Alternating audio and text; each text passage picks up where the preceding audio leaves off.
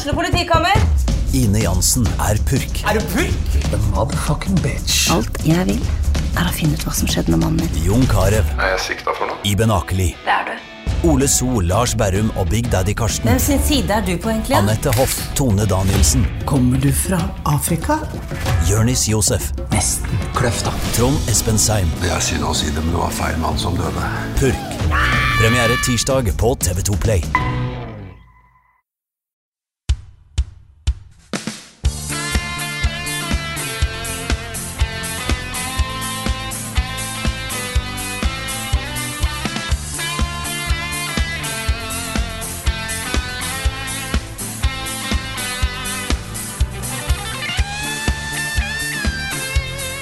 Nærmer oss eh, andre veka med ekstreme varmetemperaturer. Carl holder på å smelte vekk i, eh, siden nå har han måttet skru av airconditionen sin. Ja. Det er varmt, folkens, og jeg er fortsatt på sida det er lov å klage på varmen. Men uansett hvor varmt det er, så skal vi likevel ha en ny, fersk og fantastisk episode av podkasten vår til dere her i dag. Jeg er Frida Landmo, og med meg har jeg som vanlig Karl Martin Hogsnes og Rune Finne Olsen. Og i dag har vi òg med oss Niklas Halvorsen. Hallo, alle sammen. Hello. Hallo! Jeg Jeg, sitter boks, bokstavelig talt i underbuksa. Du gjør det, Altså ja? boksershorts. Ja, jeg gjør det. Ja, du gjør det. Og så har jeg på har jeg sånn derre- Det her er en genial oppfinnelse. Jeg har sånn der- den blå håndkleet som jeg har rundt halsen. Det er et sånn sportshåndkle som bare tar til seg vann og holder det veldig lenge. Så iskaldt vann. Så den liksom ligger rundt halsen min og stopper liksom varmen fra å komme opp til toppen. ikke sant? Mm. Det er uh, amazing. Ja, det er smart. Jeg har jo måttet Mm. uh, skru av airconditionen min for å spille inn den podcasten her, fordi den bråker så fælt. Så hva jeg gjør for dere, folkens, det dere vite. Altså. Mm. Jeg våkna med litt grann, eh, små vondt i halsen. Ikke noe alvorlig, tror jeg, men da er, skal en jo holde seg hjemme. Og hjemme Det er litt dårligere aircondition her enn det er på NTNU, så jeg Det er altså så varmt her. Det er ganske Ja. Så jeg har alle vinduene på uh, full guffe. eh, vinduene på full guffe. Her hører dere det. Vinduene er fullt, eh, fullt åpne. Jeg hører det noen som klipper plenen ut forbi, men dere får bare ta det som fin sommerlig bakgrunn. uh, in, i, i, liksom, hvis det kommer med, men det tror jeg egentlig ikke. Det er litt, uh, litt ambience, litt stemning. Ja, Ja, ja, ja. ja. er, jeg må ha døra opp her også. Men eh, så er det jo veldig hot i spillmediet om dagen også. Jeg vet ikke, du, jeg, jeg håper du satte pris på at jeg kontakta Nintendo og ba dem om å være så snill eh, også på, vei- på vegne av deg, da. Som en gave til kompisen min Carl, eh, lage et nytt Pokémon Snap. Jeg håper du satte pris på det, Carl. Ja, det satte jeg veldig pris på. Mm, det er jeg som fiksa det. Ja, det sto jo sånn lite, liten notis på den traileren at uh, dette er til Carl fra Rune. Ja, det satte jeg veldig pris på. Det var en god, uh, god ikke-bursdagsgave. Jeg syns det var litt rart, men nå skjønner jeg det. Ja. ja, det var det som var bakgrunnshistorien for det. Ja, ja. Kan jeg bare, kan jeg bare si en ting til om varmen? Ja. Fordi i dag, altså i natt, så var det så ille. Jeg bor jo høyt oppe med betongvegger, og det blir så varmt her inne. Ja, du bor i sola? Jeg bor i sola, det er jo sola steker i vinden. Eh, alle vinduer og dører. Og jeg sov i natt med bare et, altså et dynetrekk istedenfor dyne. Og jeg måtte legge meg ut i sånn T-pose, sånn spill i sånn T-pose, for å unngå at noen kroppsdeler rørte hverandre. Ja. Og likevel så lå jeg og svetta i, hele natt. Ja. Det her er det badass. Ukens hotteste. Ukens hotteste har vi jo snakka litt grann om tidligere, men nå er det altså så eh, smoking hot, for den dagen denne podkasten kom ut, så kom jo faktisk The Last of Us Part 2 ut i butikkene. Ja, nå er, nå er det her. For, for andre enn bare dere. Ja, får ja, ja. Men jeg kjenner det sitrer litt i kroppen, sånn som det alltid gjør med sånne skikkelig skikkelig store spillanseringer. Det er noe eget også. altså folk, jeg vet det er mange som har gleda seg. Vet det er mange som har slukt anmeldelser og fått kanskje enda litt mer hype før lansering. Uh, ser det er folk som har begynt å poste bilder. Det kom i posten i går og på onsdag og sånne ting. Um, og det er liksom Dette, dette er et sånn event da i spillmediet. En Mm. Det er så stor utgivelse. Et av de største spillene som kommer i år, uh, by far.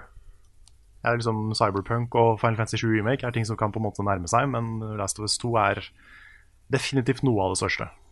Mm. Og så er jo eh, tingen det at, eh, at eh, da har det jo vært sperrefrist på anmeldelser, og forrige fredag så rant det inn med nier og tiere, og spillet har jo eh, 96 i snittscore på Metacritic, og Metacritic er ikke noen perfekt um, et perfekt måleinstrument for snittscore. Nei. Men det er liksom Det antyder jo at mange er eh, veldig glad i spillet. Vi har fått et spørsmål som vi bare tenkte å adressere litt sånn kjapt, fra eh, Kent Green. Som lurer på om eh, vi har et kjapt svar til de som sier at spillanmeldere er kjøpt og betalt siden The Last of Us Part 2 har 96 på Metacritic. Ja, den, eh, den beskyldningen kommer jo alltid når et spill får høy score. Ja. Den kom på det første The Last of Us, den kommer på God of War, den kommer på alle disse spillene som får høye scores. Ah, Noen, noen ganger så er spill bare bra. Ja. Noen ganger så, så bare liker man spill. Men jeg, jeg, jeg tenker at altså det, eh, det dette reflekterer litt, da altså, Ja, noen spill er bare bra, men det er også at, at man kan se på The Last of Us Part 2 og si at håndverket her altså er uovertruffent. Det, det blir ikke bedre lyd, bilde, animasjoner Alle disse tingene som er, handler om faget spillutvikling, er liksom ti av ti. Det, det kan man ikke nekte på, da, hvis man er i hvert fall på den realistiske enden av grafikkskalaen. liksom. Uh, og det, jeg, jeg tror det booster score på den type spill litt, rann, altså disse Triple A blockbuster-tingene, fordi man blir så imponert ikke sant, over håndverket som ligger bak. Ja, når du da i Um, tillegg, altså Hvis historien da i tillegg treffer deg så hardt som den gjorde for, for deg og meg, Ja. da Ja. og liksom man syns gameplay er spennende og intenst og utfordrende og kult, så er det liksom Da er det ikke vanskelig i den tieren. Altså. Nei. Men jeg har sett det har fått litt kritikk rundt omkring uh, i tillegg. Det er, det er ikke alle som er like uh, positive som dere. Jeg syns det var en veldig interessant debatt som kom opp, og jeg venta litt på den også. Fordi uh, dette er jo et veldig sånn lineært spill. Du får ikke noe stor innvirkning på den personlige utviklingen til Ellie, f.eks. Uh, du er på en måte med på eh, den reisen som eh, Neil Druckmann og Haley Gross tar deg med på. Det er litt spennende. Hun Haley Gross eh, hun har jo bakgrunn fra TV. Hun har skrevet noen episoder av eh, Westworld. Um, Too, Too Old To Die Young har hun skrevet manus til. Så hun er, kommer inn da med en sånn filmatisk, eh, litt sånn hardkokt tilnærming til å fortelle den type historier. Eh, og jeg er litt spent på hvem som har påvirka hvem i hvilken retning her. For du har jo disse her, uh, sarte, vakre, rolige øyeblikkene hvor man tar et skritt tilbake og liksom setter alt det fæle i kontrast med noe vakkert, da, og kanskje litt håp og sånne ting. Og så har du den derre Åh, det er så vondt å spille det spillet her. Um, og hvis du har på en måte blitt glad i Ellie da, gjennom både The Last of Us del 1 og Left Behind del 1, og du har et veldig nært forhold til henne, og identifiserer deg kanskje med henne litt, og så det er en sånn representasjonsting, da, og så blir forbanna på Naughty Dog for den retningen de tar henne i, så skjønner jeg at, at opplevelsen av dette spillet kan være litt annerledes. Så mitt perspektiv er jo at jeg er med på reisen til Naughty Dog, eh, og setter pris på uh, forteller, uh, fortellingen av historien de forteller. Um, men jeg kan gjerne se at andre kan ha et annet perspektiv, altså.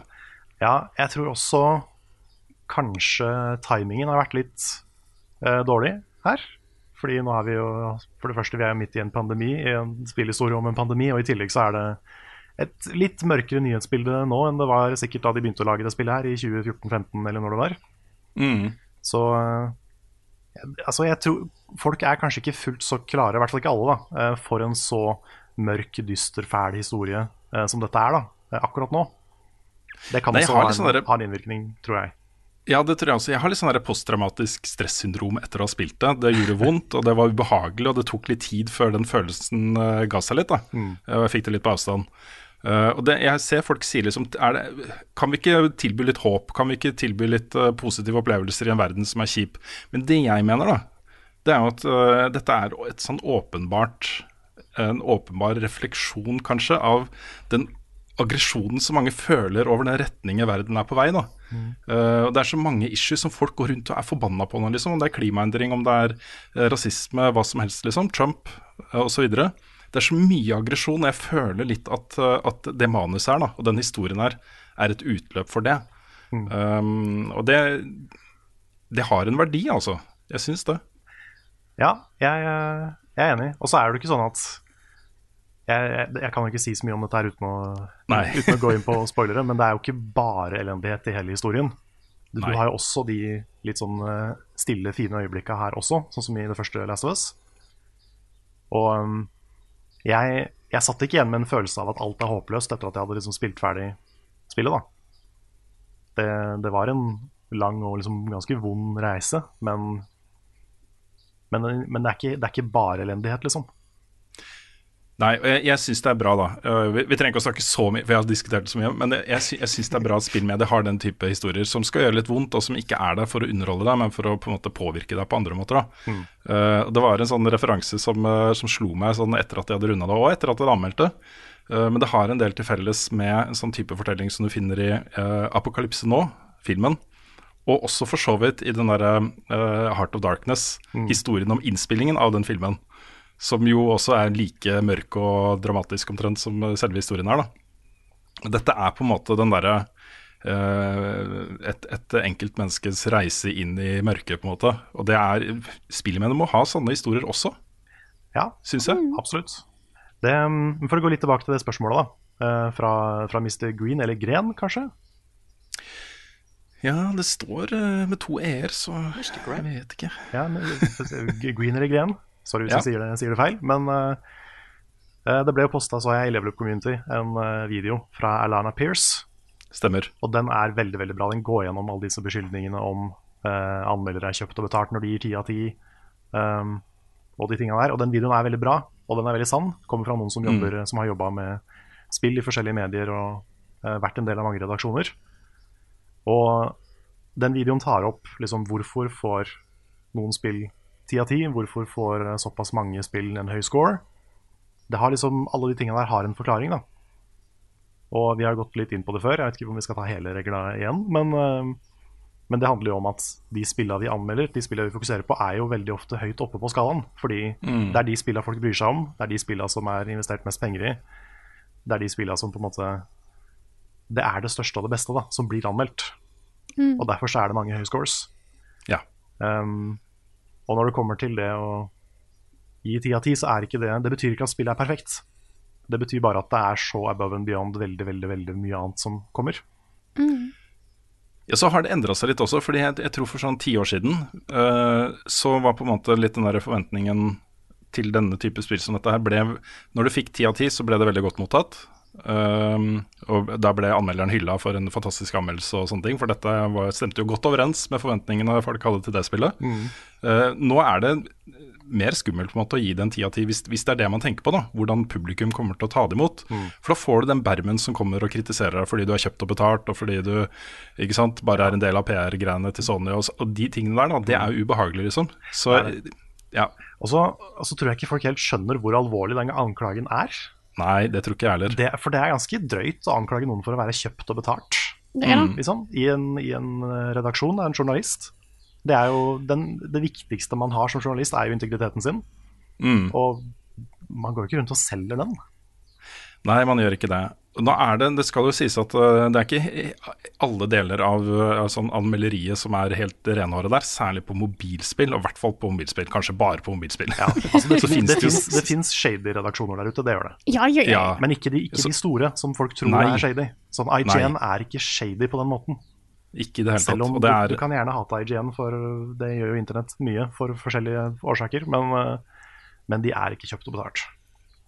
Nei, og så må jeg bare nevne da, vi, vi, kan straks gå videre, men jeg vil nevne at uh, nå har jeg anmeldt spill siden 1997.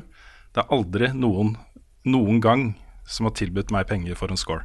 Det har aldri skjedd. Jeg har aldri fått, uh, fått uh, konkret høre om at noen har fått tilbud om det. aldri. Det har aldri skjedd. Nei. De, de som kan få de tilbudene, er jo gjerne sånne mer sånn underholdningsfokuserte youtubere som, ja. uh, som, får mailer om at uh, ikke si noe negativt, ikke vis noe negativt. Bare vær hypa for det spillet her, så gir vi deg litt penger. Mm. Uh, det kan skje. Men, ja. men, journalister som skal score spill, får i hvert fall som jeg har hørt, ikke de tilbudene. Takk i hvert fall ikke ja til de. Nei, i hvert fall ikke det. For det er jo på en måte Det er jo jobb Det er arbeidsmessig selvmord å gjøre det. Mm. Men kan Og, jeg Ja, nei, sorry. Ja, bare en siste ting. vi, kan, vi, kan, gå videre. men det som også Alana Peer snakker om i den videoen. Tror det, den heter 'The Truth About 10 out of 10 Scores' eller et eller annet sånt. Noe sånt, ja. Um, det vi også snakker om, som er veldig sant, det er det at vi går ikke rundt og er redd for publishere. Nei. Det er ikke, det er ikke Sony vi er redd for å skuffe eller uh, gjøre sinna på oss, eller noe sånt. Det de aller, aller fleste er redde for, det er backlashen fra seere og lesere og sånne type ting. Fordi Mm. internett kan være så toxic og så kjipt. Og hvis, altså, spesielt da hvis man er eh, litt mer utsatt enn andre. um, hvis man har en hatkampanje mot seg. Så plutselig så kan noen lekke adressen din. Plutselig kan noen, altså, det er skummelt å gå ut med en kontroversiell score. da. Mm. Det er eh, topp bekymring for de fleste, tror jeg. Mye, mye mer enn uh, hva Sony syns. Altså den videoen der også, når Alana Pierce, som i tillegg da er kvinne og blond og pen å se på, og de tingene, liksom Du, du vet, også du hører på henne Ja. at vet du hva dette, dette, Hun har ikke lyst til å snakke om det, men hun føler det er viktig. Hun er tøff, altså, ja, hun er det. som står i den greia der. Mm. Og kvinnelige spilljournalister får jo ofte mye, mye verre uh, shit mot seg enn det, enn det vi gjør, vi menn. Ja, for den frykten hun eh, uttrykker i den videoen Jeg har aldri følt på den på den samme, samme måten. Jeg hadde ikke hatt noe problem med bare å sitte her og si de samme tingene som henne, uten den derre Ja, jeg vet at, eh, at det er så masse dudes som kommer til å hate på meg nå, men jeg må bare si dette her. Jeg har aldri følt på det. da. Nei, Det er uh, står respekt av, altså. det det. Men jeg, jeg, jeg lurer på, Frida og Nick, dere skal jo spille dette her. Gleder dere dere? Ja, fordi at det var da jeg ville, jeg ville ta den tilbake igjen til hype-biten. Fordi mm. nå, nå kommer det ut. Det, er, det blir tilgjengelig. Uh, jeg spiller. Nick? Yes. Jeg har, jeg har spilt eh, Jeg har spilt gjennom The Last of Us Du har på tilbud, denne remastered-versjonen av Last of Us. Jeg spilte gjennom det nå, for å gjøre meg klar. Og det er litt sånn der, Jeg tenker på den videoen vi lagde over de spillene vi gleda oss mest til i det året her. Og jeg hadde jo ikke Last of Us på lista mi, for jeg var sånn «Eh, Er det noe vits å lage et, eh, en oppfører til noe som hadde en perfekt slutt, ikke sant? Mm. Men nå begynner jeg å bli farlig hyped, ass. Det er liksom eh, Det er liksom niere og tiere overalt. Det er én ting. Men jeg hører så mye om retningen de tar i historien og sånn. At det liksom Jeg vil ikke bare ha enda et Last of Us, liksom. Hvis det gir mening. I hvert fall den samme historien. Dette er en helt annen retning. Så jeg er veldig spent. Og så er det bare Naughty Dog. Det er kvalitetsstempel der, ikke sant? Mm. Nei, så jeg er veldig, veldig spent. Jeg håper at det er i posten akkurat nå, på torsdag. Jeg har ikke sjekka ennå. Det hadde vært veldig, veldig gøy hvis de hadde sendt det litt tidlig. Jeg har beredt meg på det før. Det å få ting til Trondheim tar ofte en dag ekstra. Og når ting kommer ut på en fredag, så får jeg det plutselig på en mandag. Det har skjedd før. Det har skjedd med switchen min, blant annet. Så jeg tør ikke å bestille eh, på nett lenger. Så denne kommer jeg til å kjøpe i natt, når, eller når, når det blir tilgjengelig. Er planen, i hvert fall. Yeah. Så eh, har jeg liksom runda av alle de andre spillene jeg holder på med nå, sånn at jeg kan Sånn at jeg kan liksom dedikere tida mi til dette her framover i varmen. Jeg, jeg gleder meg jo til uh, flere folk får spilt dette her. Og vi kan ha Ja. en i hvert fall litt mer åpen diskusjon om uh, innholdet i spillet. Fordi nå er ting basert veldig på synsing fra folk som ikke har spilt det. uh, og da rage basert på noen spoilere som er misvisende og noen ganger helt feil. Så eh, jeg håper liksom at vi kan ha litt bedre samtaler om The Last of Us etter at flere har spilt det. Fordi nå Mm. er det veldig mye høylytte stemmer om, i alle retninger som, som mener forskjellige ting. da. Og det er vanskelig å på en måte ta del i det uten å, uten å være en del av spoilerkultur og sånn. Jeg håper at vi kan få på plass en eh, spoilercast før vi tar sommerferie i år. Det hadde vært veldig kult, også. Det skal vi gjøre. Hva har eh, sagt seg frivillig til å begynne å snakke om hva han har spilt i det siste. Åh, Gudskjelov, altså. Det er så kjipt. Altså, det er ingen som har lyst til å snakke om hva vi har spilt i det siste. Bra du tar den, Karl. Ja, jeg, jeg ofrer meg vet du, for dere. Ja, men det er Ja, Først, eh, først skrur jeg aircondition, og så snakker jeg om hva jeg har spilt. Det er uh, utrolig, altså. Gavmild. Raus har jeg blitt. Ja. Ja. ja, nei. Jeg har uh, faktisk opplevd noe som ikke jeg opplever så ofte. Jeg har gått tilbake og spilt en gammel klassiker. Og hatt sånn kjem, jeg har vært, vært sånn kjempehøy på nostalgi for et spill jeg egentlig aldri har spilt. Hva? Og det er Command and Conquer Remastered. Ja, yeah. Det kom nesten, eh, nesten nettopp, bare, bare noen dager siden, tror jeg, at det kom ut på Steam. Og det er uh, da en full uh, remaster, ikke en remake, men de har på en måte tegna alle assets på nytt. De har eh, eh, gjort det oppskalert til 1080p, lagt inn litt sånn moderne features. Og jeg syns det er kjempegøy. Jeg spilte jo masse Dune, Dune 2000, på PC og på Sega Mega Drive, av alle ting. Og digga det da jeg var liten. Det var liksom mitt uh, første møte med RTS, og det var et av de første RTS-a som ble laga også. Og Command and Conquer er jo egentlig bare en oppfølger til Dune. Det er på en måte akkurat det samme, bare med litt, uh, litt annen setting. Litt, um, litt videreutvikla ideer fra Dune, da. Så det føles litt som, som oppfølgeren til Dune, som jeg aldri fikk. Og jeg hadde jo kompiser som hadde Command and Conquer, så jeg har jo sett på at de har spilt det, eh, og sånn. Men aldri rørt det sjøl. Men det å faktisk sette meg ned nå og lære meg det og spille det og oppleve det ordentlig for første gangen, da. det har vært så utrolig gøy. Og du merker jo at det er fra 1995. Um, det er jo ikke Det er ikke et moderne spill på noen som helst måte, men det er fortsatt kult. da Det har holdt seg ganske bra. Og de naila på en måte den sjangeren ganske tidlig.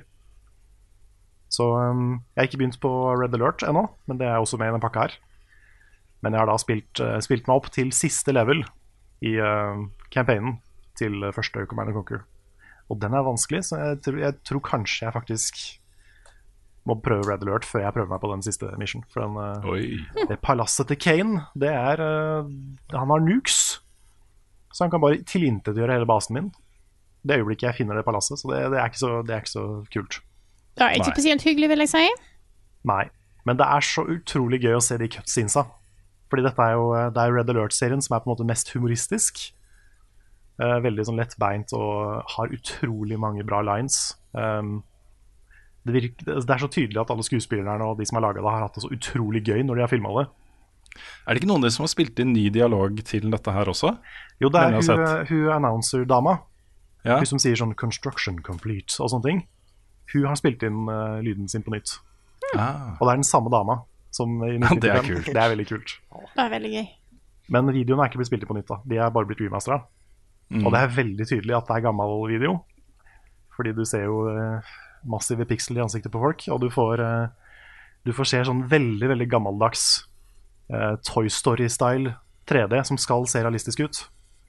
Nice. Og det er morsomt. Du ser liksom en, en ekte person, da, greenscreena, uh, på toppen av et liksom veldig uteksturert 3D-fly.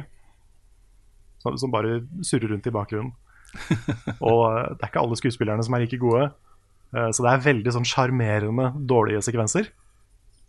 Sånn kjempesjarmerende, syns jeg. Um, jeg gleder meg til å se Jeg håper liksom den humoren i Red Alert var der fra det første spillet. da For det har jeg heller ikke spilt sjøl. Mm. Så det gleder jeg meg til å til, til, å finne ut. Så enerne Command Conquer 1 var liksom litt, det var litt mer alvorlig i tonen sin enn jeg trodde. Det er ikke en bra historie, men den, den er der. Handler om sånne der, grønne krystaller som har uh, eh, contaminata jordkloden. Og så skal man, skal man farme de for å få ressurser, da. Og banke opp uh, Kane, som er sånn der uh, ekstremistisk religiøs leder av noe slag. Han har en sånn sekt. Og han, han er den slemme, da. Så jeg spiller som de snille. Men jeg kan jo også spille som de slemme. Det er ikke testa ennå. Mm. Men de slemme har mye kulere ting. De har, det er som regel sånn. Ja, det er det. det er, eh, jeg har liksom veldig sånn standard tank, tanks og sånne ting, som The Good Guys. da Mens uh, jeg ser jo liksom Jeg slåss imot de tinga som Kane har, og de er jo så mye kulere. Så. Det krever mer å gå på den smale sti, vet du, Karl. Det gjør det. det, gjør det. Mm. Så nei, kan, kan varmt anbefale hvis noen har uh, har litt varme minner fra gamle RTS-er. De har holdt seg ganske bra, altså. Jeg synes i hvert fall, eh, Nå har jeg ikke spilt Red Alert ennå, men eh, det første har holdt seg relativt bra, syns jeg. Det er vanskelig, men det er kult. Og så kan jeg følge opp med å si at jeg har eh, så vidt begynt på den nye DLC-en, The Isle of Armor, til Pokémon Sword. Ikke starta på storydelen ennå, fordi jeg kom til den nye øya som da er et sånt svært wild area-område.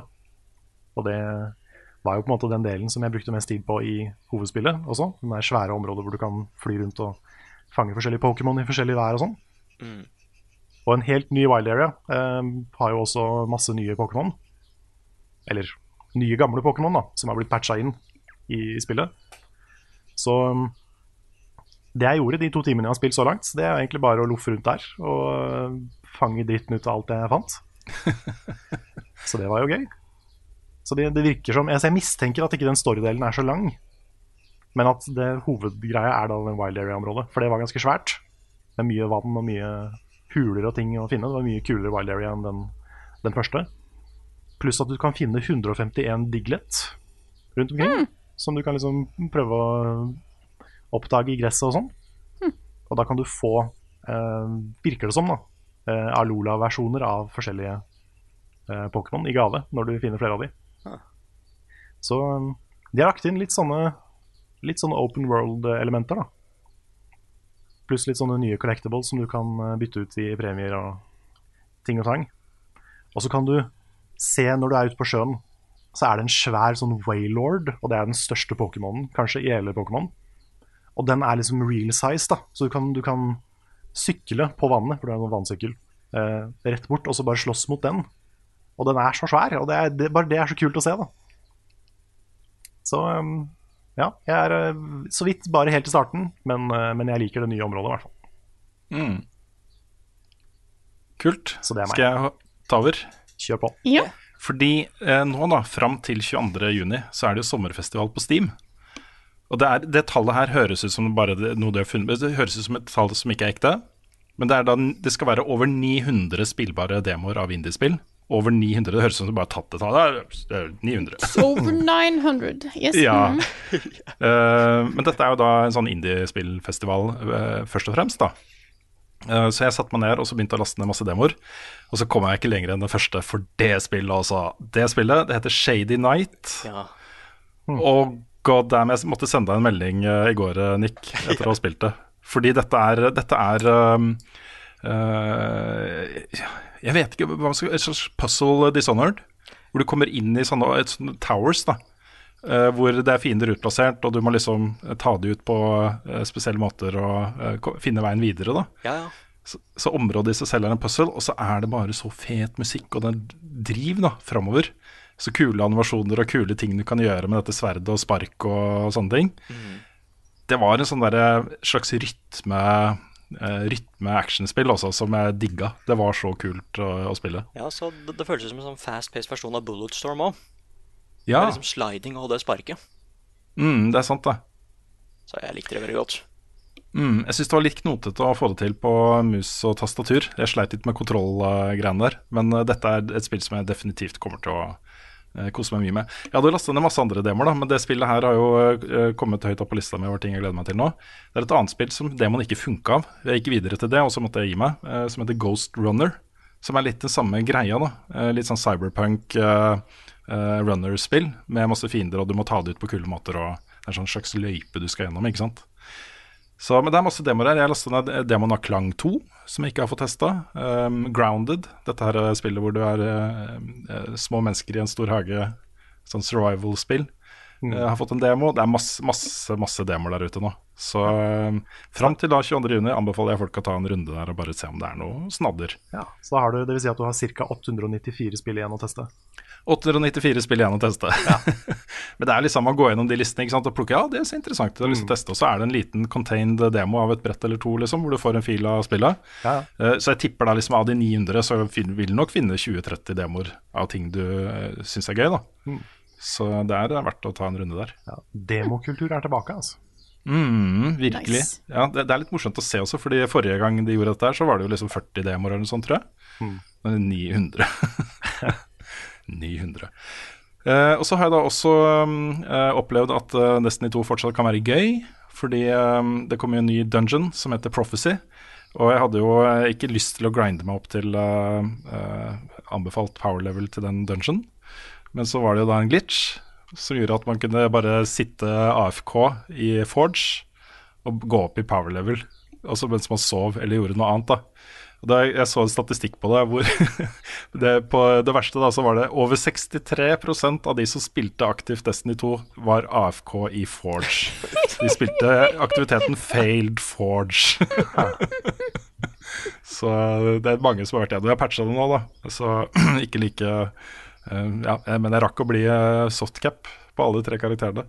Men den dungeon, da, Prophecy, er jo råbra, og den viser jo hvor flinke Bungie er da, til å lage uh, co-op actionopplevelser med sånne fantastiske omgivelser og kule mekanikker, og det er introdusert litt sånn derre um, mørke og lys da, i puzzle-mekanikker. Hvis du skyter en fiende i mørket, i skyggen, da, så dropper den én type modes, og hvis det er i lyset, så dropper den eh, lyse-modes. Og så må du liksom banke de på riktig. Også, det er masse sånne kule ting som du er introdusert der som, eh, som var ordentlig gøy. da. Så, så det, var, eh, det var artig. Egen lootpool med bra g- greier også. Så jeg kommer til å spille den litt, men det er liksom Det er sesongen for meg, da. Da er det liksom høstens greier som er, eh, som er ting.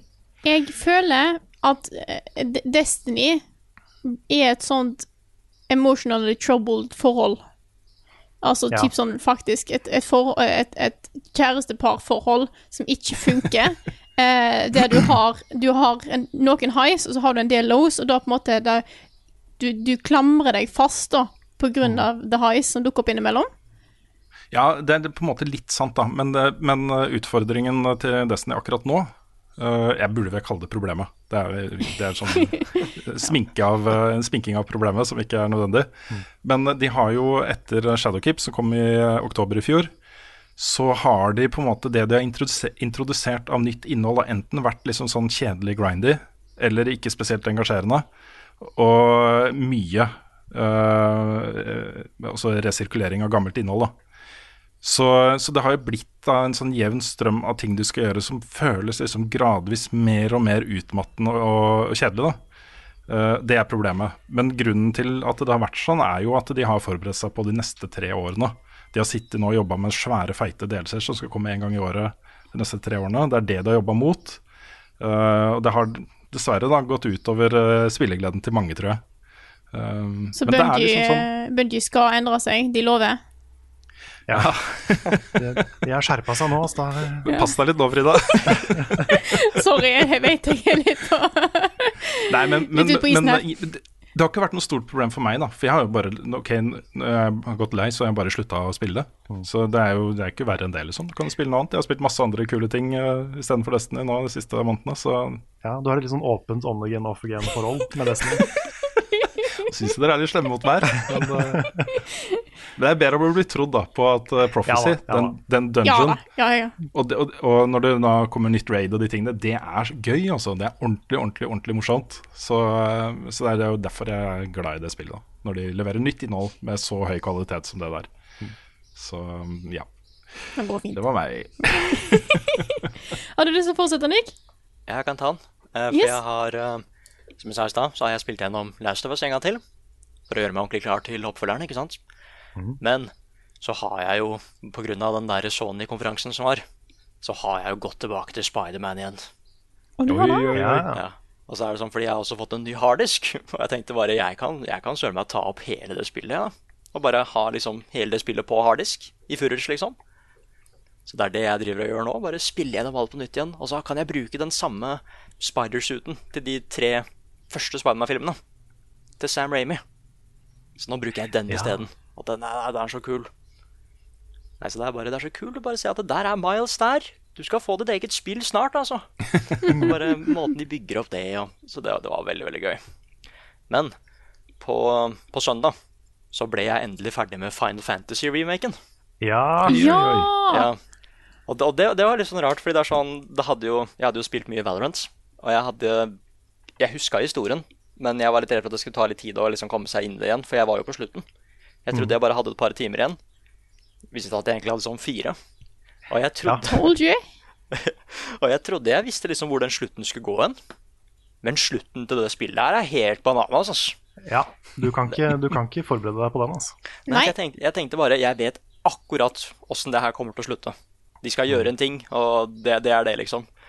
Så, bare- jeg kan ikke spoile det heller, men, men jeg måtte bare sende bilder til Carl for bare hva, hva, hva er det som skjer nå? Ja, jeg fikk, jeg fikk sånn jevnlig updates han gikk uten der. Og det var, eh, det var kjempegøy. Bare Mye capslock og mye greier. Ja, fordi jeg skrev liksom bare OK, nå tar det av, ikke sant? Men da hadde de ikke tatt av ennå. Da hadde bare Nei. Altså Litt etterpå så fikk jeg liksom i bare capslock 'what the fuck'. Ja. Sendte jeg et bilde av hva, jeg, hva som skjedde. Jeg bare jeg, det, det, det, det, var, det var så anime, dere.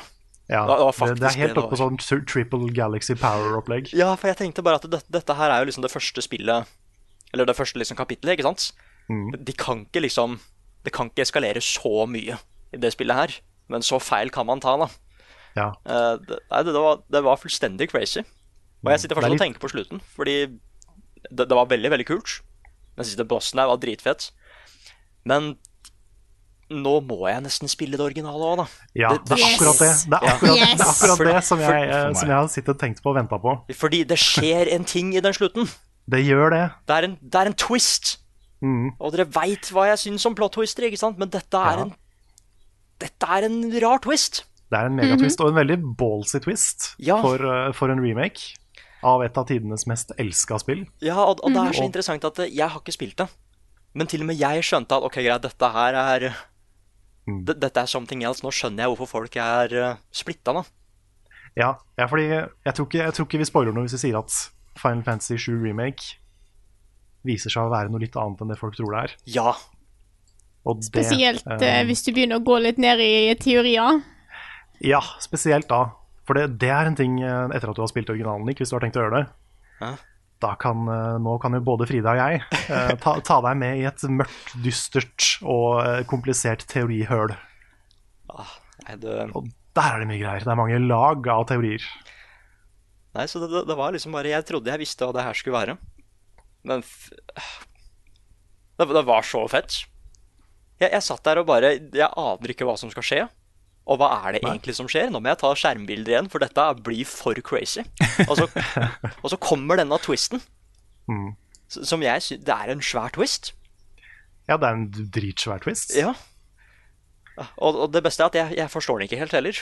Så det er bare masse, masse mysterier der, da. Mm. Altså, det Vi, vi skal jo sette oss ned og spille inn en spoilercast eh, etter hvert. Ja, og det er en er spoilercast som baserer seg på at uh, i hvert fall Nick ikke har spilt originalen. Nei. Så det blir bare remake-spoilers. Og jeg har masse eh, notat fra hva jeg tenkte etter jeg var ferdig med remaken, eh, før jeg hadde Nice. spilt originalen. Så eh, vi tar utgangspunkt i det. Kult. Det blir, Mm. det blir veldig bra. Og da, da kan vi også gå litt inn på hvorfor alle som nå har spilt ferdig remaken, føler at de må spille originalen. Ja. For jeg var helt er eh, ja. jeg er liksom bare, Hva var vitsen med å spille liksom, originalen når jeg veit at det skal komme disse megakule, oppussa remakesa, ikke sant? Som Mm. går dypere inn i karakterene og historien. Men nå, nå skjønner jeg det, liksom. Eh, Ja. Jeg skal innrømme at det jeg, jeg, Nei, hva skal vi si? jeg ble jo også litt sånn irritert, for bare det er jo Det er jo så viktig å spille originale. Ikke sant? Det, Men det er litt kult òg, da. Fordi jeg, jeg syns på en måte Istedenfor å erstatte originalen, så gir remaken deg en grunn til å gå tilbake og spille den. Ja. Og det, jeg synes det er på en måte Det er litt kult å bevare et spill på den måten. da Ah, nice. også. At du, du, du liksom Istedenfor å erstatte originalen, så gir du originalen en grunn til å eksistere i tillegg. Mhm. Og det er veldig, veldig nice. Nei, så det blir, det blir deilig med en spoilercast, hvor jeg liksom bare kan få det ut. da Ja. Jeg må, jeg må Jeg snakke om den twisten. Mm. Rett og slett. Men, men, men dere, hold, dere- hold dere fast nå. Mhm. Fordi nå, Ja, dere holder faktisk fast. Jeg ser det. Mhm. Fordi nå har jeg sett ferdig Breaking Bad. Nei, har du det? Oh Oi, oi, oi, oi, oi. Ja, det er rett. Så fort jeg var ferdig med Final Fantasy, så sa jeg, vet du hva Den slutten var så crazy. Så nå må jeg se ferdig Breaking Bad også. um, Ja, Er du fornøyd med slutten? ja, det, det var en dritbra slutt. Um, Ikke sant? Nei, for jeg har liksom Jeg har jo hørt det at eh, folk ble jo litt brent av Game of Thrones-slutten, ikke sant? Og bare hvorfor kunne du ikke vært en Breaking Bad? Og, da, mm. jeg, jeg var litt sånn at I'll be the judge of that. Skal vi se her. Og så ser jeg ferdig, ser jeg ferdig Breaking Bad, og det var en bra slutt. Det var liksom Dette var planlagt, ikke sant? Ja. Mm. det Ja, Fra starten av, tror jeg, da. ja. og en bra slutt er så viktig òg. For det Ja. farger hele inntrykket ditt av serien når du ser tilbake på den. Mm. Ja. ja for jeg, jeg Hashtag skal si at Dexter. Ja, å, Nei, vi snakker ikke om Dexter, egentlig. Ah, Dexter. Nei, den, jeg husker, det verste er at jeg, Dexter var jo veldig bra i mange sesonger. Men jeg husker den serien som dårlig pga. slutten. Ja, jeg er, men jeg har sett opp igjen, da. Jeg begynte å se opp igjen Dexter på en sånn ledig Jeg hadde et hull som uh, vi måtte fylle med et eller annet. Så da så jeg de første tre sesongene av Dexter, og så del, jeg venta jeg skal så de første fire sesongene av Dexter. Og så ble jeg sjokka over å se at det er jo, var det tre eller fire sesonger til etter det. For det er sånn, det, det er, det er ræva, altså. det Og er særlig, særlig siste sesong og avslutningen på den er bare helt krise. Ja.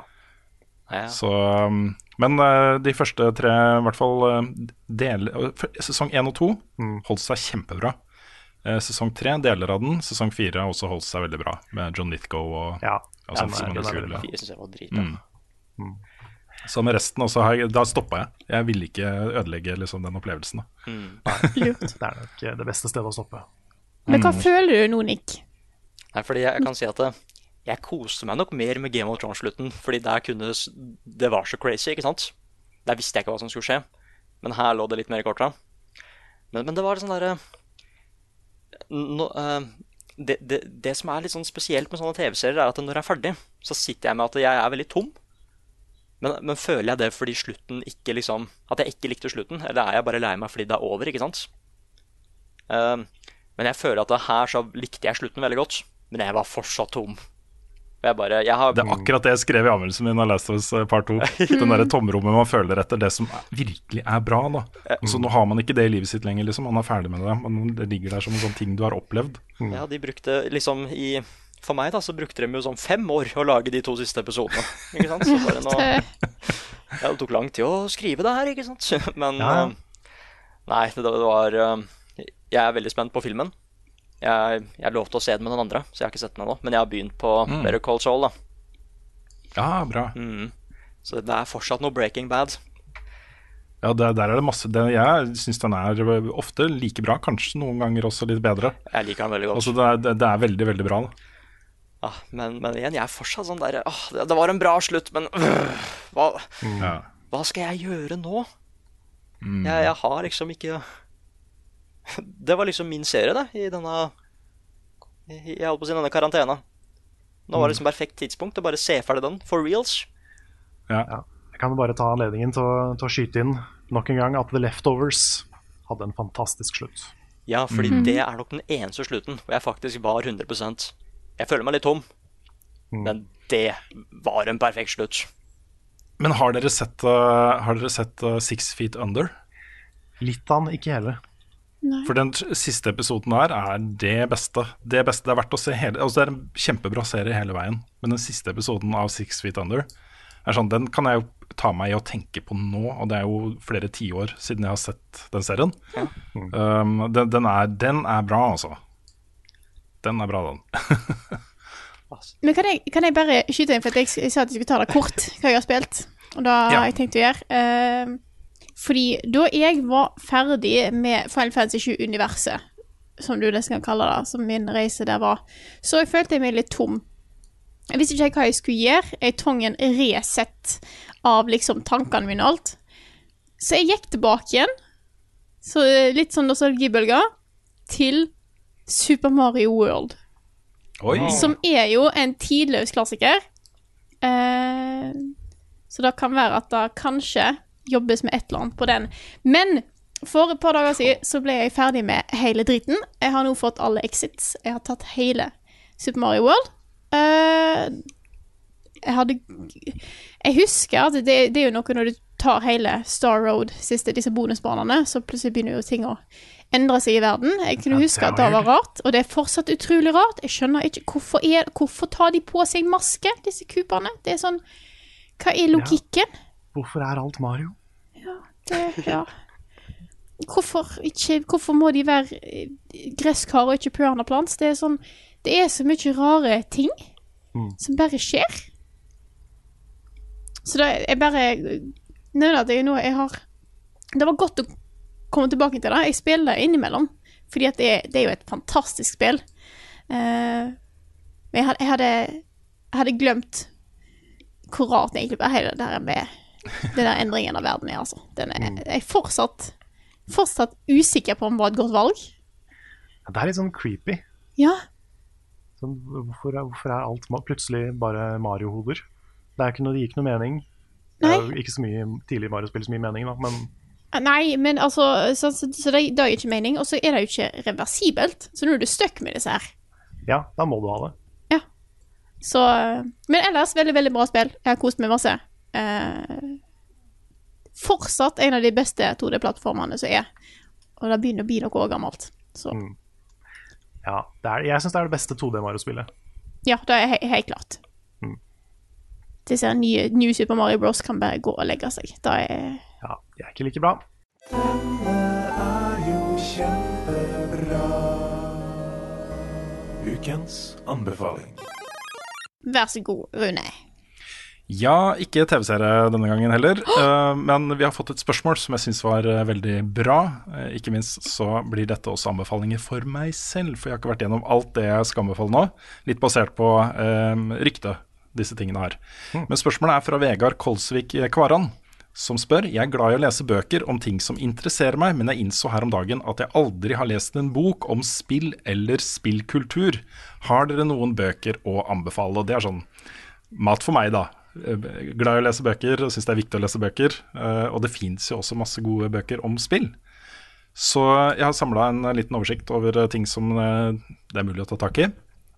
Um, kan du begynne da med um, uh, litt sånn non-fiction-bøker? Ting som, uh, som er mer henta fra uh, virkeligheten og sånt. Og begynne da med 'Blood, Sweat and Pixels', skrevet av Jason Schreier. Og dette er jo egentlig en boksamling med reportasjer fra innsiden av de store spillselskapene. Hvor han tar for seg firmakultur og utfordringer og strukturer og osv. osv. Veldig, veldig interessant, altså. Så det er en kjempebok. Han jobber med en oppfølger til den også. Uh, litt i samme gate, men litt mer på gulvet, på en måte.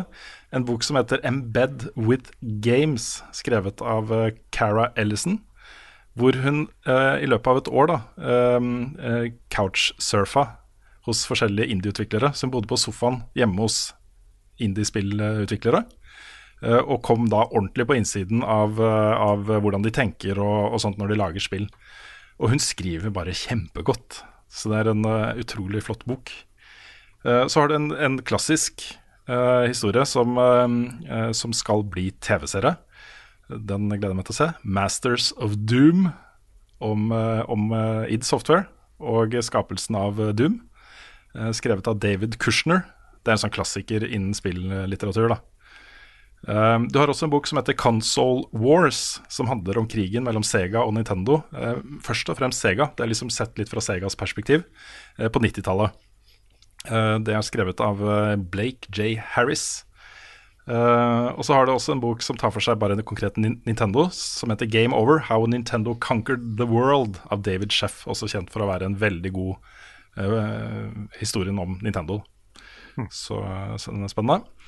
Så har jeg noen norske spill, eh, spillbøker som det er verdt å ta en kikk på. Du har eh, boka 'Alle kan spille' av Martin Bergersen.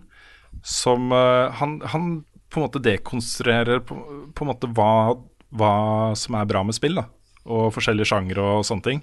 Og forklarer på en måte som er veldig sånn allment tilgjengelig. Dette er en sånn typisk bok som det kan være lurt å gi til nysgjerrige mennesker i omgivelsen din som ikke kan så mye om spill. Eh, veldig godt skrevet.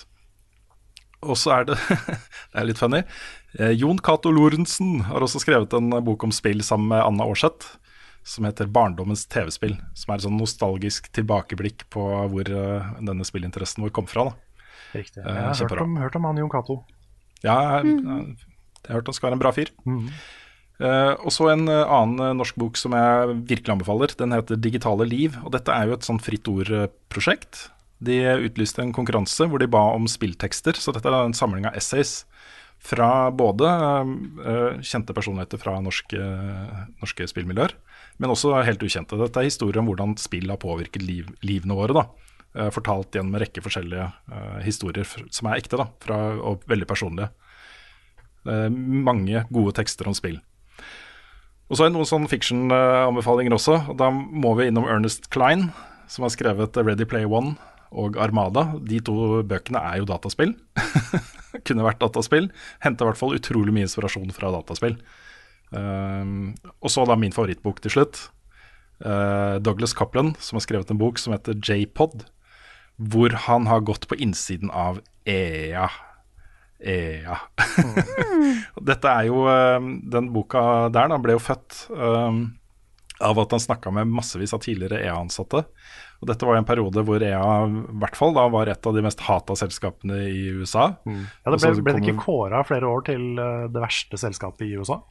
Og jobbe, ja. Og jobbe, Folk var jo det, også, uh, hvis, hvis du leser den boka, da, hvis bare halvparten av det som står der er sant, så skjønner man jo liksom det her må jo ha vært et marerittsted å jobbe. Men her har de liksom alt fra, alt fra uh, clueless sjefer som kommer og trykker helt ville spillideer ned i trynet på de stakkars ansatte som bare sitter der som sånne maur ikke sant, for maskineriet, til uh, sånne litt over, uh, overmodige mellomledere og, og sånt. da. Det er en veldig, veldig veldig god bok. Jeg skal ikke henge ut noen, men jeg har opplevd noe lignende da jeg hadde hovedoppgave på skolen. Mm, jeg visste det. Ja. Så nei, men den boka der anbefaler jeg også. Den er uh, kruttsterk. Her kommer nyheter med Rune Fjell-Olsen, og han har ikke hår.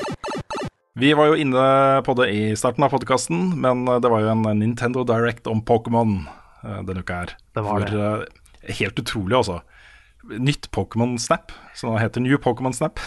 Det gjør det. det. Dette er jo noe jeg har bedt om eh, siden Jeg tror det er en av de første videoene jeg lagde i level up-sammenheng.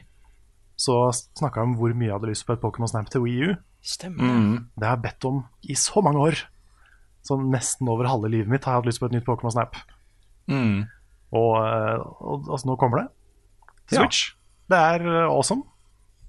Jeg ble Det er det ultimate chillespillet, hvor du kjører rundt på en sånn kart av et eller annet slag, som går sakte framover mens det dukker opp Pokémon, og så skal du ta så bra bilder som mulig av dem. Ja, det er, Det er rett, og slett, rett og slett bare det. Og det er Mm. så unikt uh, som spill. da For du blir jo da også grada av professor Oak uh, etter at du har tatt bildene. Så det er en sånn on rails eh, fotosimulator. Hvor du må være på, du må kaste ut epler og sånn for å få Pokémon til å komme nærmere. Så må du ta bilde av de i en kul pose. Og så får du også score basert på liksom, om det er flere Pokémon av samme typen i bildet. Og om det er stort, om Pokémon er stor i bildet, og sånne type ting. Han er ikke så opptatt av gylne snitt og sånn, så han er ikke noen god fotograf. Men, eh, men han er veldig opptatt av liksom, hvor tydelig Pokémon er. da. Han skal bruke det sånn rapport. Så, så det er eh, konseptet. Og det virker som de har liksom videreutvikla alt det samme. da. Det ser ut som det fortsatt er på, på rails. Mm. Um, vi tipper du har en del nye fotofunksjoner. Og uh, den visuelle stilen er veldig kul. De bruker jo da alle generasjoner istedenfor bare Det var bare 64 Pokémon i det første. Og det er litt stusslig. Så jeg håper jo det er litt flere nå. Mm. Nei, det ble varmt eh, mottatt i sosiale medier. Dette er det tydeligvis mange som har gleda seg til. Og uh, sånn som når vi snakka om den vonde spillopplevelsen The Last of Us Part 2 tidligere i podkasten, dette er jo på en måte det motsatte, da. Ja. Dette er jo det folk, eh, de som syns det blir litt for mye. Mm. Dette er spill for dem, sammen med Animal Crossing og den type spill, ikke sant. Hvor du får en pause fra en kjip hverdag. Det er sant. Yes. Og hvis du også sliter med å pusse tenner, så har du Pokémon Smile. Ja, herlig, altså. Herlig konsept. Ja. ja Og det er jo en app til telefonen laget for å hjelpe foreldre med å få barna sine til å pusse tennene sine. Ja. Så da kan du faktisk eh, Du kan jo fange sånne små, veldig søte sånne chibi-versjoner av Pokémon når du er ferdig med å pusse tenner. De var utrolig ja, søte. Ja, de var veldig søte. Mm. Så det, jeg vet ikke om det blir noen anmeldelse, men jeg gleder meg til å se det på GDQ. Ja. og så annonserte de enda et nytt Pokémon-spill, og det var jo Pokémon eh, Café Mix. Hvor eh, det, det blir free to play, til eh, i hvert fall grunnpakka vil være gratis. Og så blir det da mulig sikkert å bruke litt penger på toppen av det. Så ut som litt mikrotransaksjonsspill, ja. Ja, ja, til mobil og tablets. Hvor ja, du skal drive en kafé. ja. Ikke noe sånt? Jo, jeg jeg har ikke satt meg kjempemye inn i akkurat det. Mm. Og så ble det også vist fram at eh, Mega Evolutions er på vei til Pokémon Go. Og var ikke det Oslo, den ene scenen der? Det så så ut som Oslo. Å ja, det tenkte jeg ikke på. Ja, hvor du ser liksom Jeg, jeg kunne liksom jeg mener, jeg, åh, Nesten sikker på at det var Oslo, så jeg prøvde å kjenne igjen bygningene. Jeg er litt usikker på om de har liksom bare kombinert forskjellige byer og lagd sin egen by digitalt, da. Eller om det faktisk var Oslo. For det var liksom samme, samme oppbygging av øyene utenfor, og den kunne se rådhus og ja. Jeg var litt, var litt nysgjerrig, men det var litt vanskelig å vite helt nøyaktig, da. ja det, det skal jeg ta en titt på. Mm. Eh, og så vil det da være en ny direct om Pokémon den 24. juni, hvor de skal vise fram det neste store Pokémon-spillet. Ja.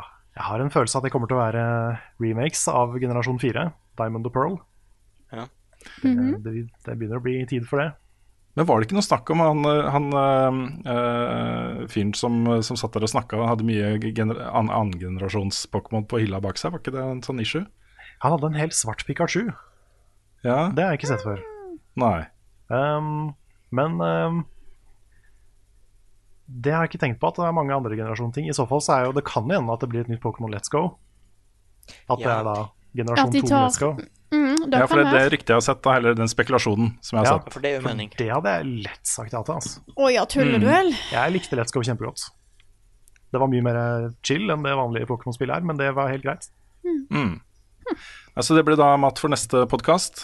Nintendo har også sluppet et uh, nytt gratisspill sånn helt plutselig på Switch, som ble lagd av, eh, av eh, noen av utviklerne deres i eh, koronatiden, hvor de satt med hjemmekontor. Og Det er da Jump Rope Challenge. Det er gratis. og Det handler om å hoppe tau. Da bruker du joycons til å hoppe tau. Og så kan du være to stykker og konkurrere. Det er sånn lite trimprogram, da. Mm. Som uh, Veldig enkelt. Små kaniner som står og hopper. Ja. Mm. Vi har uh, ikke fått noen flere nyheter om uh, PlayStation 5 egentlig da, siden uh, avdukingen, som vi snakka om i forrige podkast. Men det er jo noen av disse designerne av selve konsollen som har vært ute og, og mer enn hinta om at det, det vil være mulig å endre utseendet på den. Akkurat sånn som vi snakka om. Og det er mest sannsynlig at du enten kan gjøre noe med de sideplatene, eller bytte det ut, tenker jeg da. Mm, mm. Så, så det kommer nok til å skje. Du, jeg tror du vil se et vidt spekter av både farger og, og kule designs, og kanskje folk som eh, lever av å selge, selge sine egne plater, ikke sant. Kule greier. så eh, jeg tror jeg har masse potensial. Um, det er også eh, et par rykter som er basert på da sånne Amazon-sider som har kommet og forsvunnet, men som folk har screenshotta. Det skjer så ofte. Uh, ja, mm. men det kan hende at noen bare faker en sånn side også, så man vet jo ikke helt sikkert. Nei. Men det som, det som uh, er litt interessant, er jo at det, disse ryktene her, de samsvarer ganske godt med en sånn analyse av hvor mye PlayStation 5 bør koste for at den ikke skal bli dårlig mottatt uh, i markedet. Uh, og det som disse lekkasjene, eller de mulige lekkasjene uh, antyder, da, er en pris for, på 399 euro, altså 400 euro for digitalversjonen, og 500 euro for den med disk drive. Og da snakker vi jo da uh, 4,5, 5,5 sannsynligvis her i Norge, da, for de to modellene. Ja, det er lavere enn vår prediction, men hadde jo ikke sagt nei til det. Nei. Og så er det også da en dato som har begynt å svirre litt rundt, og det er 20. november. Men det Min bursdag, bursdag, hei! ja. Når er, når er Black Friday igjen? Ja, det er, dette er uka før Black Friday. Mm. Ja, ok, 20. november. For det gir jo mening. Mm. Så um, ja, det kommer du nok tilbake til seinere i sommer, tenker jeg. Det har vært noen uh, sånne digitale pressekonferanser i helgen også. og Kanskje det mest interessante for oss var jo at uh, Red Thread Games viste fram sitt uh, nye spill, Dustborn, på um, Var det Future Game Show det var, eller var det PC Gamer Show? Det var Future Game Show, tror jeg. Ja, nettopp. Dette er jo et spill som, eh, som vi har sett hint av før, da, eh, via at de har fått støtte fra NFI. Da må man jo presentere prosjektet sitt, så vi visste jo litt hvor, det- hvor det skulle gå. Men det ser veldig interessant ut. Det er jo sånn På slutten her så har den sånn a game about, og så kommer det masse ord inn. da. Eksempel er det et spill om da familie, roadtrips, klimaendringer, borgerkrig, ensomhet, nasjonal tilhørighet, migrasjon osv. osv. Så det er bare all the issues bare Mm. inn der. uh, og så var det også en sånn mekanikk hvor du kunne bruke ord da som våpen. Og det er en sånn tydelig kommentar på noe. Men jeg syns det så kjempespennende ut. Jeg gleder meg skikkelig til å spille. Ja, spennende konsept. Mm. Mer norsk. Hackcity fra Megapop er nå ute i Early Access. Det, eh, jeg ble nesten litt sånn sjokkert over å se hvor fett det ser ut. Ja, jeg også ble tatt litt på senga av det. Det var mye Mm. stilen og, og sånn som gjorde det, men eh, hvis det kortkampsystemet også er veldig dypt og spennende, da, kan bli en hit, det her, altså. Ja, de har, vært, de har liksom gått ut og gravd fram sånne cyberpunk-musikkartister og, og sånt. At det er veldig sånn industrial uh, elektronika uh, hele veien. da. Mm. Uh, dritkul visuell stil og veldig sånn hardcore, hele pakka, liksom. Så eh, der ligger det da en reportasje og intervju med eh, gjengen ute på kanalen vår, så sjekk ut den. Eh, Dwarfheim, som eh, eh, jo holder til i Trondheim, Frida. De kjører jo nå ukentlige eh, betatester. eh, hvor egentlig alle som signer seg opp for det, får key. Litt avhengig av hvor voldsom interessen blir. da. Eh, men der har de da sign-up på Discord-kanalen deres, hvor de da introduserer nye elementer og nye elementer hele tiden. Eh, og Det også var vi og lagde reportasje om. Det kommer hvert øyeblikk på kanalen vår. Kanskje ute innen podkasten er ute. Jeg vet ikke helt hvor raskt Espen klarer å lage den. Men eh, det også er et sånt spill som jeg føler har litt sånn internasjonalt snitt også. det kommer inn i, i et marked som ikke akkurat har sånn supermange konkurrenter. Konkurrentene er jo kanskje først og fremst sånne ting som du snakka om, Carl, med Command and Conquer, Remaster og sånne ting, liksom. Um, veldig sjarmerende spill med Ja. mye potensial. Ja, så ut som de hadde noen kule twister på den standard RTS-formen. De, Mm. de nevnte jo da at eh, folk som er veldig glad i Starcraft, f.eks., de vil jo gjerne at alt skal være Starcraft. Så det er Mm. skummelt å på en måte gjøre endringer på formelen. Da. Men Ja. jeg synes det er likevel kult at de har gjort det, at de har turt å gå sin egen vei med det. Mm. Og så ble jeg veldig solgt av det han snakka om, var jo at uh, den, utvikleren her da kommer fra en sånn bakgrunn hvor de uh, spiller sammen. Og at det er viktigst for dem. Det er viktigere enn på en måte hva slags spill de spiller, er at de faktisk spiller sammen. Mm. Så uh, det er det de prøver å få til her, da. Sånn et tremannslag hvor tre kompiser kan samarbeide enten da i en campaign eller øh, i PVP mot et annet tremannslag. Hvor alle har sine egne roller og sånt. Eh, Det er noe her også. Flere norske nyheter. Stian Blipp og eh, Jørn Ernst, som er manageren til, eh, til eh, Therese Johaug, har nå gått inn på eiersiden av Nordavind, som jo er det e-sportlaget som er knytta til Vålerenga her i Oslo.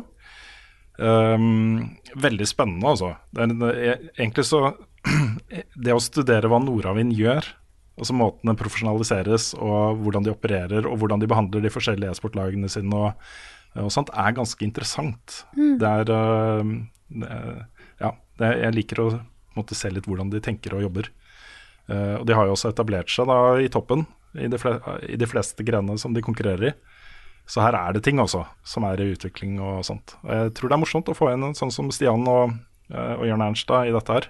Det er vitner om retningen de har lyst til å dra dette her. Så um, veldig spennende. Mm, veldig. Så raser jeg gjennom de siste. Det er mer sånn headlines som er sånn verdt å nevne.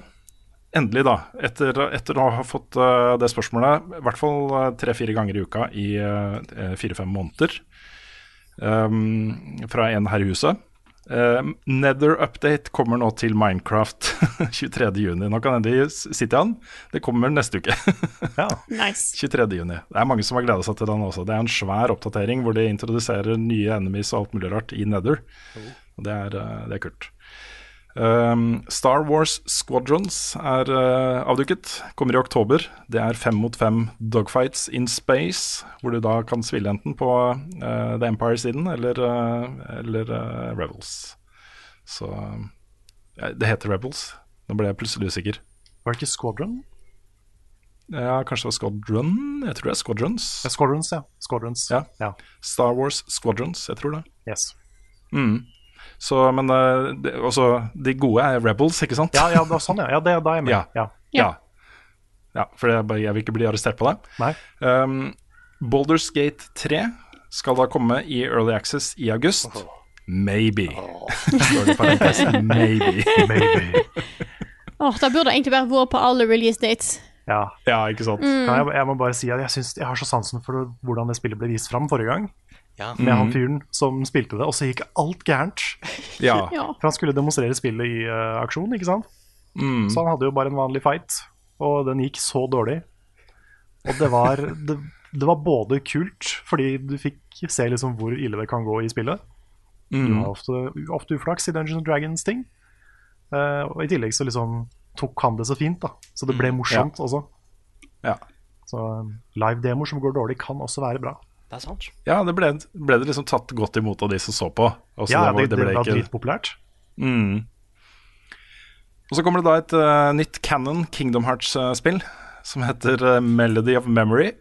Det stemmer. Er det Melody of Mm. Memory, eller er det Memory of Melody? Det blander jeg alltid. Jeg har skrevet Melody of Memory, men Ja. jeg vet ikke. Helt Nei, okay. sikkert. Men en av de to, i hvert fall.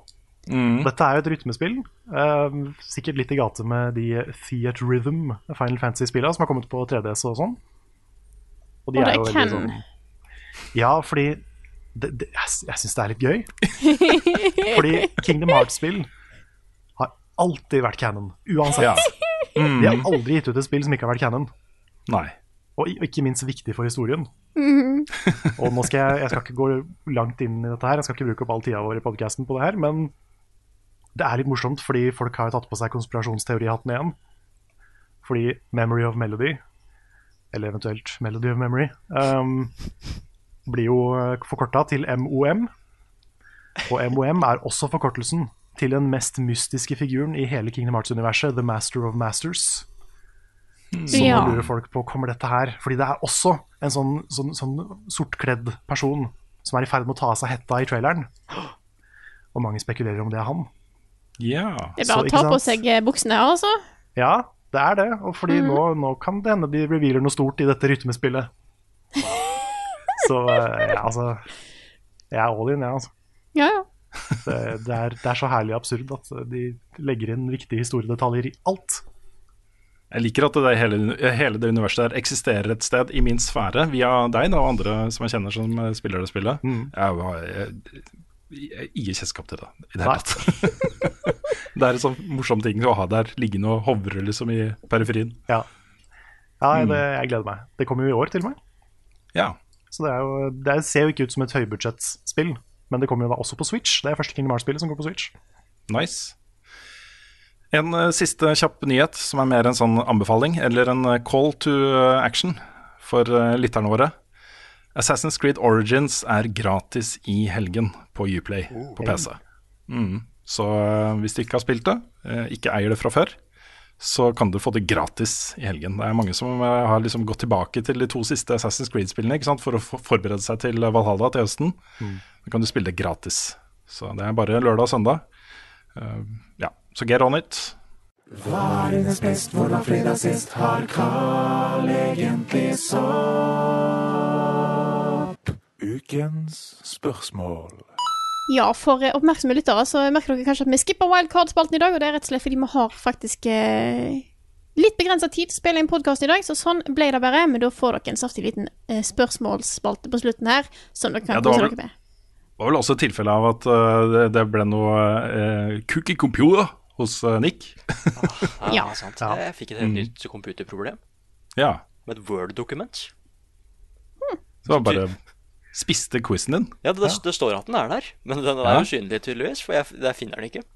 Nei. Så det var veldig rart. Mm, men vi kommer tilbake til den, Ja. for jeg tror den er bra. Mhm. Oh yeah.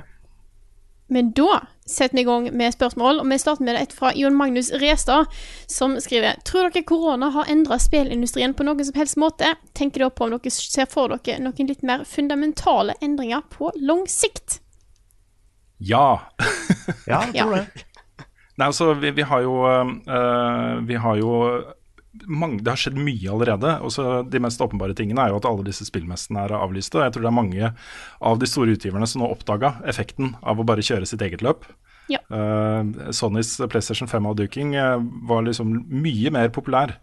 Uh, hadde mye, mange flere videovisninger og C-minutter enn uh, en E3-pressekonferansene de gjorde tidligere. Eh, så, så det er en ting. En annen ting er hvis du ser på utgivelsen av Animal Crossing, som nå har blitt det mest Altså andelen av digitalt solgte spill er det høyeste noen gang. Det er over 60% av de solgte kopiene av det spillet som sikkert har runda 20 millioner. For det siste tallet jeg så, var liksom 15-16, og det er liksom fra øh, hva var det, april eller noe sånt. uh, over 60% av det salget var digitalt. Um, og det er masse sanne ting som, som, uh, som jeg tror liksom har påvirka industrien på sikt. Og så har du hjemmekontorsituasjonen, hvor det er mange selskaper som har oppdaga at vi kan faktisk sitte hver for oss og lage spill og få til det, og det er lagd svære systemer for det og sånne ting. Det er masse av disse spillselskapene som har laget videoer om hvordan de gjør det, og hvordan de arbeider. Eh, Spillrevyen har, har også en herlig sånn liten podkastserie hvor de snakker med norske spillutviklere eh, om hvordan de har takla koronatida. Eh, Så det har endra litt sånne strukturer og arbeidsformer for bransjen. Og så har du sånne tilfeller hvor uh, Boulderskate går ut og sier at de kanskje kommer med noe i august. Fordi ting er litt mer usikkert og tar litt lengre tid og, og de tingene her. Så det er en del sånne strukturelle endringer nå, tror jeg, som uh, kanskje kan fremskynde på en måte den digitale uh, overgangen. da. For på et eller annet punkt så kommer du til å slutte å lage fysiske spill, tror jeg. da. Ja. Jeg eh, tror E3 er lost. Ja, det tror jeg også. Jeg tror det er gone. Jeg tror det er borte. Nei. Ja. Men spørsmålet er om du får en ny Summer Game Fest til neste år, eh, og at du får en sånn samling, på en måte, eller mer en sånn kollektiv på en måte, eh, oversikt over alle pressekonferanser, litt mer sånn type samling rundt det. Da tror jeg heller kommer til å skje at det kommer til å bli litt mer At du tar den digitale approachen til det. Mm. Mm. Det er fordi det, det som er tingen med E3, er jo at da er på en måte alles øyne retta mot det som skjer der, fordi det er der det skjer. Mm. Uh, hvis det er digitalt, så er jo det en ulempe å komme liksom samtidig med, eller et, rett etter eller rett før konkurrentene dine. Da er det mye bedre å ha en sånn lite, eh, en liten lomme et sted, hvor de tingene du avslører, får tid til å spre seg og deles og snakkes om kanskje i flere dager, da, istedenfor at da en time seinere så er det Microsoft sin tur, som har noe enda kulere som alle snakker om. da. Ja, det er sant. Det spørs om ikke Summer Game Fest er fremtiden, ja. Ja, jeg tror det også. Så kan det hende at de eh, etter hvert kanskje jobber enda mer da, med formatet, liksom. At eh, det blir kulere å se på disse sendingene enn det kanskje har vært. Mm.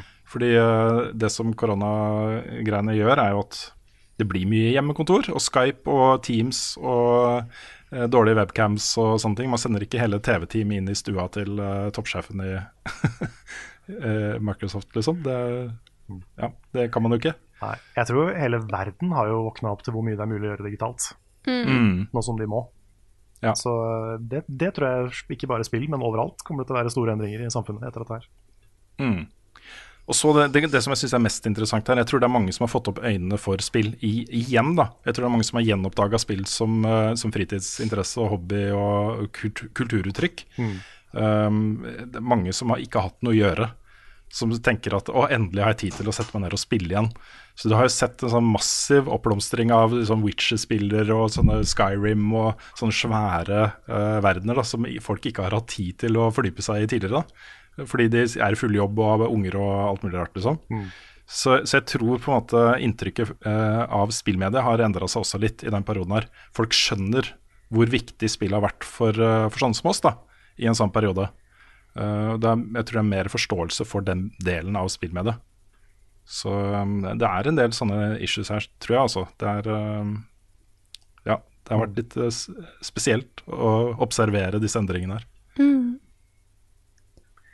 True Yes, da måtte jeg gå og lukke vinduet fordi at naboen skulle klippe plenen, selvfølgelig. Ja, eh, ja. Men vi hopper videre til neste spørsmål, som kommer fra Jakob. Han skriver mange vil trekke et prinsipielt skille mellom kultur og idrett. Samtidig snakker vi ofte om at spill er kultur, og at e-sport kan være toppidrett. Er det faktum at spill kan være begge deler, et hinder for at spill tas seriøst som kulturuttrykk? Og Dette syns jeg egentlig var et veldig interessant spørsmål. For da Mhm. er spillmediet ganske særegent der.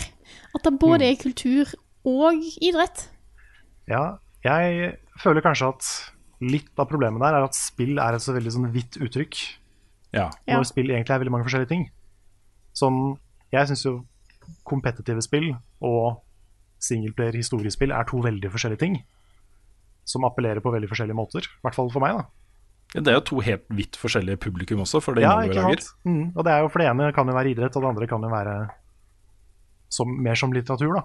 Mm. Så um, jeg vet ikke, kanskje det at, at vi har spill, både det at det heter spill, for det er jo ikke et veldig beskrivende ord for det det er, men um, i hvert fall ikke for de singleplayer-narrative tinga. Eh, men også det at alt er under samme paraply. da. Alt er spill. Mm. Det er kanskje ikke en fordel når det kommer til det der. Så er det kanskje også mer da at eh, veldig mye Altså nå har jo spill og e-sport har jo blitt mer normalisert med tida. Eh, det har jo kommet opp mer eh, artikler om det og litt sånne ting. Eh, men da at en kanskje ofte ser de mer sensasjonelle tingene i media. Eh, at de tjener så og så mange millioner på spill, vant en eller annen turnering, spill. Sånne ting gjør at kanskje de som er utenfor spillmiljøet, ser mer den idrettsdelen av Ja. spillmediet enn kulturbiten. Mm. Kanskje Ja, det gir det- en, en skjevfordeling der? Det tror jeg du har rett i. Og så kanskje det også kan være med på å bidra til at folk kanskje er mer villige til å kjøpe spill som idrett, og mindre villige til å kjøpe spill som kunst. da. Mm. Fordi når du ser en, en Counter-Strike-kamp, så er ikke sikkert, det er ikke sikkert kunst er det første du tenker på. Det er ikke det første jeg tenker på heller. Nei, samme her. Men, eh, men, det er jo, men det er jo begge deler. Også, Ja da. Uh, Ja, ja, ja. Det, det handler jo bare om hvordan man også, Det er derfor når jeg skal lage sånne topplister over tidenes beste spill, og sånn, så må jeg nesten lage to lister også. En som handler om multiplayer og kompetitive spill, og en som handler om singleplayer og mer den der å synke inn i historier og, og sånne ting. Mm. Fordi det er to så vidt forskjellige ting, og de tilfredsstiller meg på to så vidt forskjellige måter. Ja. ja det, er, det er nesten det burde vært liksom definert som to forskjellige ting. Mm. Altså to forskjellige At det ene er spill, og det andre er something something. Ja, nå, nå er det jo litt sånn, da, fordi kompetitive spillene kalles jo ofte bare e-sport. Uh, Ja. Men det kalles på en måte ofte da e-sportspill. Ja, sant. Ja. De blir- det blir jo ofte omtalt som spill, bare, også. Ja, ja, det er jo sant, da. Det er jo det. Jeg, vet ikke, jeg vet ikke hva det ordet skulle vært som beskriver liksom, beskriver liksom singelplayer-narrative ting. Men at det kanskje egentlig burde vært noe annet, da, i en perfekt verden. Mm. Men så har du jo multiplayer-narrative ting, som uh, Way Out. Det er også sant. Men da er det ikke Mm. så kompetitivt igjen. Nei, det er sant, men Nei. siden du, Det- det siden du la jeg vekt Altså, si det til meg og Nick, da. Si det til meg og Nick. At det ikke er kompetitivt. Det er slutten der, altså. Ja, fair enough. Ja. Fair enough. Det, det går an for spillet å være begge deler, absolutt. Det var mer Ja. siden du, du sa liksom singleplayer-narrative ting, så ville jeg bare på en måte Ja, breie. ja det kan jo, kan jo også være multiplayer-narrativ. Ja. Det, det er sant. Mm.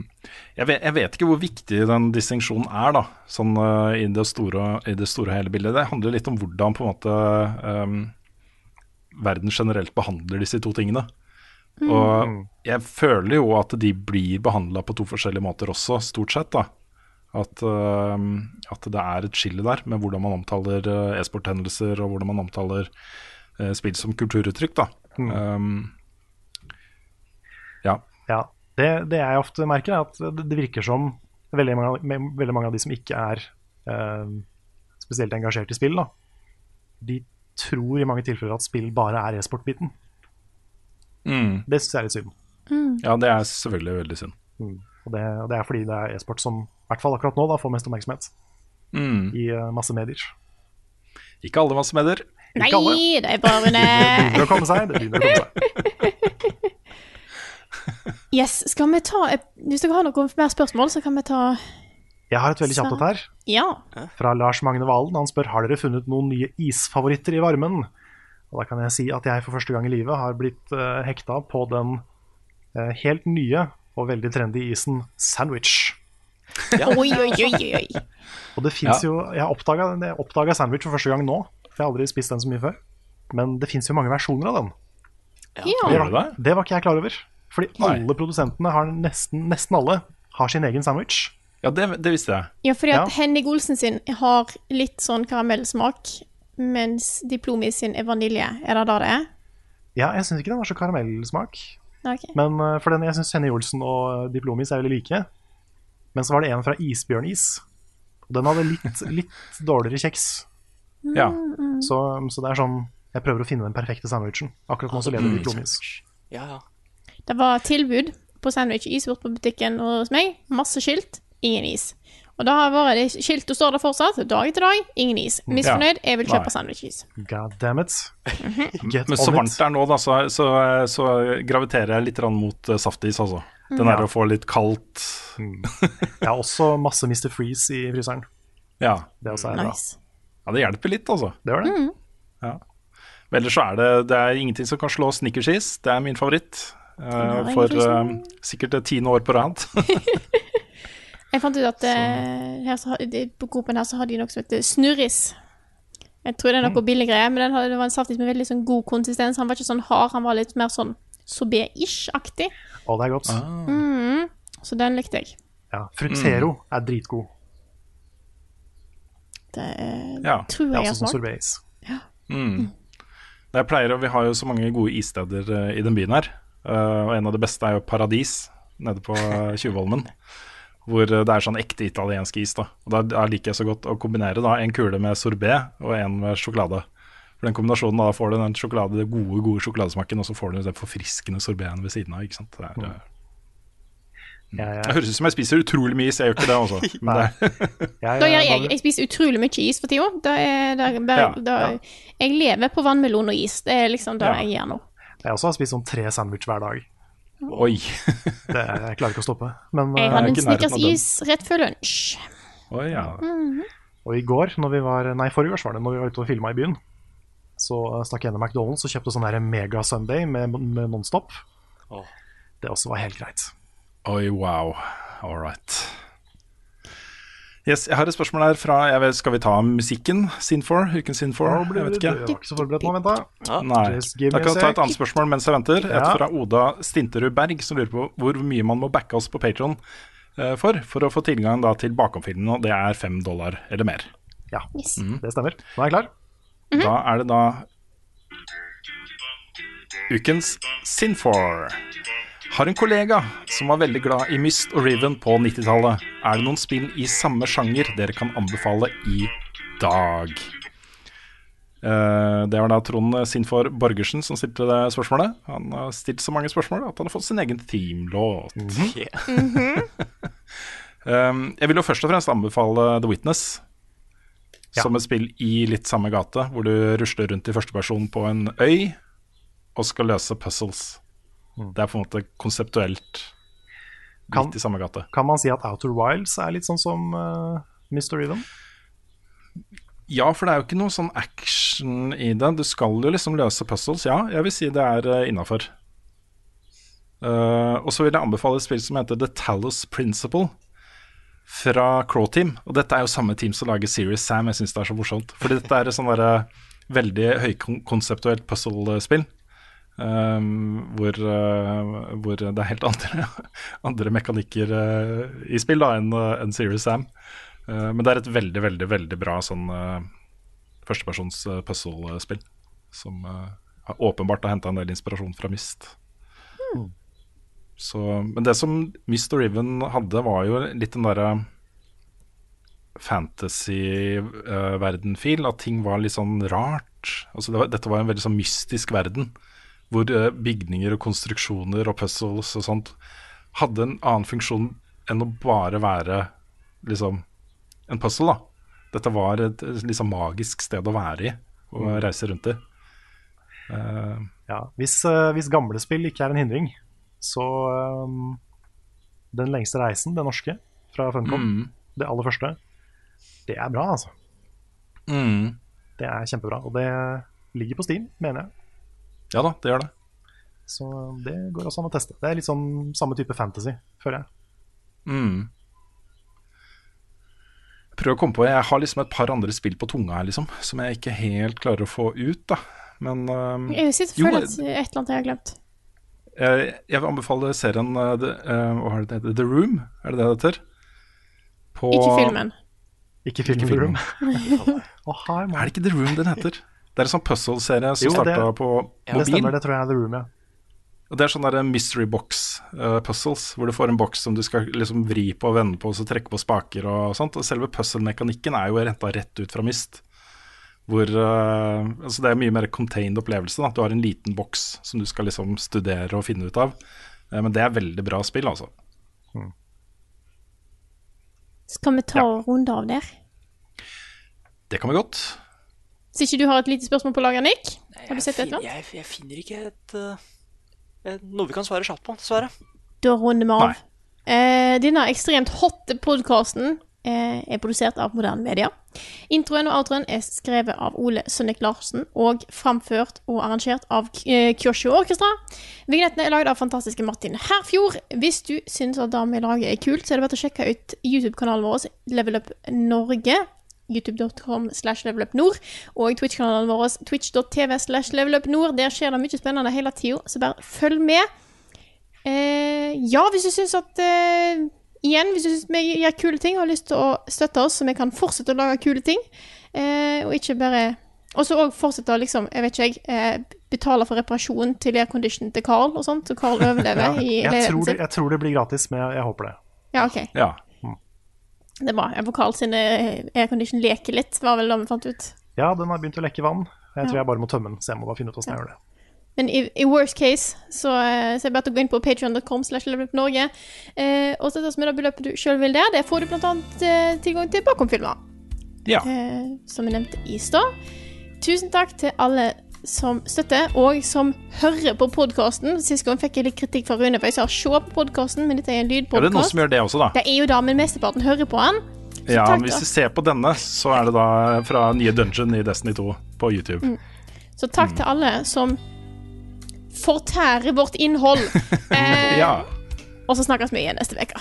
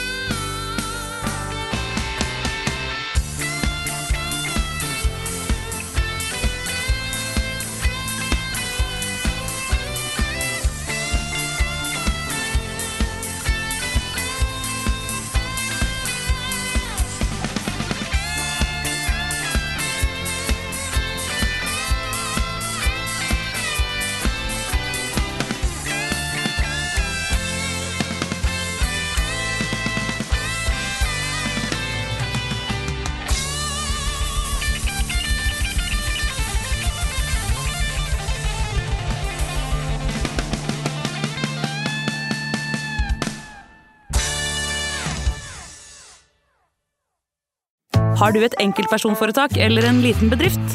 Da er du sikkert lei av å høre meg snakke om hvor enkelt det er med kvitteringer og bilag i fiken, så vi eh, gir oss her, vi. Fordi vi liker enkelt. Fiken superenkelt regnskap.